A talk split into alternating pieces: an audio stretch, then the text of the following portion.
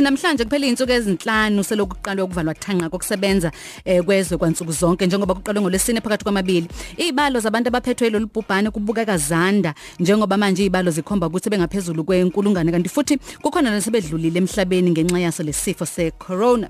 Izakhamuzi zaseningizimu Afrika ziyanxuswa kuba ihlale emakhaya ukuze ziphephe ukuzwa kabanzi ngeza kamuva nokuthi kulisana kanjani neCovid-19 esifundazweni saKwaZulu Natal. Sixhumana ke nenhloko yomnyango wezempilo esifundazweni eh khona KwaZulu Natal sixhumana nenhloko yomnyango wezempilo uDr Sandile Shabalala eh, oyisihambeli sethu namhlanje. Sikubingelele sikwamukele eh, Dr. T.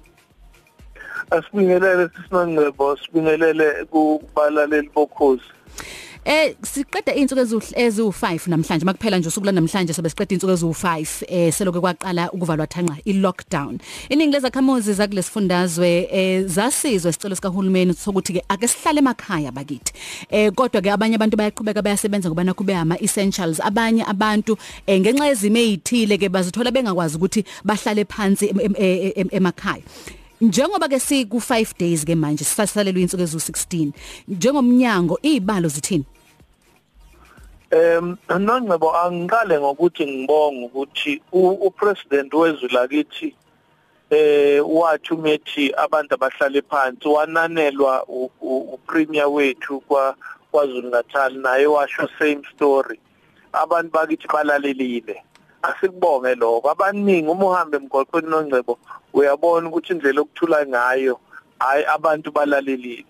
Asikubonge lokho ngoba kuzosisiza njengamanje ke sisinongcebo inombolo ngizothatha nje ezimbili ezase South Africa nezase nezakwaZulu Natal ezase South Africa njengamanje zingaphezulu kuka 1300 ezase zakwaZulu Natal zingaphezulu ku165 mhm.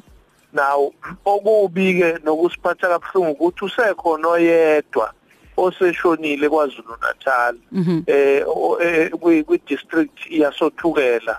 Lokho akusiphathanga neze kahle kodwa sicabanga ukuthi ngendlela esesenza ngayo manje ngesikhathi insuku iqhubeka sisebenza nathi siyasiya ngokuba ngcono indlela esenza ngayo. Khumbula lento iseliqe ngaphezulu sonke. Ngakho ke siya ngokuya sithi sisebenza sibe sizilungiselela. Iloku ngesingisi abathi you you are building an aeroplane while it's it's in flight. Mhm mhm. Yes Manje njengoba sibonile eh, abombutho wezempi beweseka kakhulu eh, u21 days lockdown beqinisekisa ukuthi indawo zivaliwe. Eh, siyazi ukuthi kukhona futhi nophiko labombutho wezempi ababhekelele ezempilo. Ngabe niyasebenzisana nabo? Nongcebo okusijabulisayo ukuthi njengoba ngingasho ukuthi upremier lento uyithathe yangabi saba into ethi ayi umnyango wezempilo kuphela.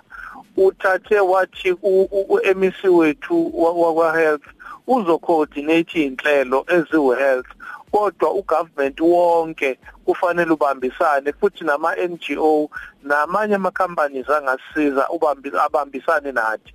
So siyasebenzisana namaphoyisa siyasebenzisana namasosha siyasebenzisana nama NGO amanye ama government eh, eh, department nawo ano aneinhlelo ezenzakalayo. Konke lokhu kucoordinator eofisini kapremier. Njalo ngolwesihlanu noma ngesinye isikhathi ume upremier ez ukuthi cha ingathi khona izinto afisa ukuzizwa siyireport siyareporta kuye siyareporta ensuku zonke ku-MEC wethu umama nomagugu. So kuyasetshenziswana impela siyawubona umehluko siyakubona ukubambisana. Kanti futhi asinqome eh, sisinongcebo ukubambisana nomsakazo kuvele kamnandi kulezi insuku ngoba imlayezo ephuma emsakazweni imlayezo ekhuluma kahle ekhuluma incedisana nokuthi sonke asizame indlela esingaphila ngayo sinqobe lesi sifo. Dr. T eh siyazi ukuthi niyakwazi nibalekelele abantu abaphethwe isona lesifo abahaqwe ilona leli gciwane le corona. Eh uphumile umbiko izolo kuyona inkulumo kamongameli ukuthi kuzojutshwa abantu abawu 10000 ama field workers azohlola abantu. Siyazi ukuthi niyabalekelela. Kodwa bese kuba khona nombuzo wokuthi njengoba nibalekelela nibalekelela kanjani nanokuthi imbhedi izokwanela enezibhedlela Sisinongcebo sizobalekelela nje upresident eseshilo eh sizobe sihlola inhloso la sisinongcebo ithi asisheshe sazi ukuthi unalo igciwane noma unalo. Sisheshe sihlukanise khumbula ukuthi siya kwisizini ye-flu njengamanje. And amanye ama symptoms alesi sifo ama symptoms ye e-flu so uma sisheshe sakuthola ukuthi i- i-flu noma ilesi sifo siyazi ukuthi masenze njani so abantu abatholakalayo bazolekelelwa bazo isolate okufuna baselate okusho ukuthi bazo admitwa ngendlela ethile e- e- esisigayidwa njalo i-science esiyisebenzisayo Ku- uma kukhona abanye kufanele bangene ibhedlela bazongena imbhede yanele yini? Ngokwethu sisinongcebo okwamanje imbhede yanele.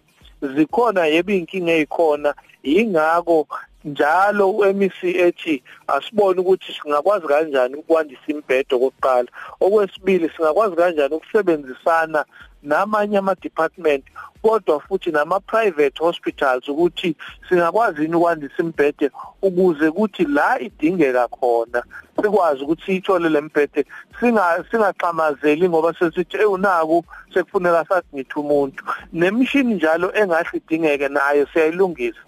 Nako futhi ukuthi abantu babe khona babe trained ukuze bakwazi ukumanage lesifo konke lokhu sibhizi ngako noma bekhona bakhona kodwa siya- siyandisa ngoba nezinamba zanda Dr. T sibonga kakhulu ukuthi benathi kuona umsakazo ukhozi sisolokho nje sixhumana nani sizwe ukuthi ngabe kuhamba kanjani eh, njengoba silokho siyithola imbiko njalo eh, ngokuthi isimo sinjani ezweni. Kodwa kubalekile ukuthi nakusona isifundazwe sethu sibe naso isithombe siphelele sibonga kakhulu.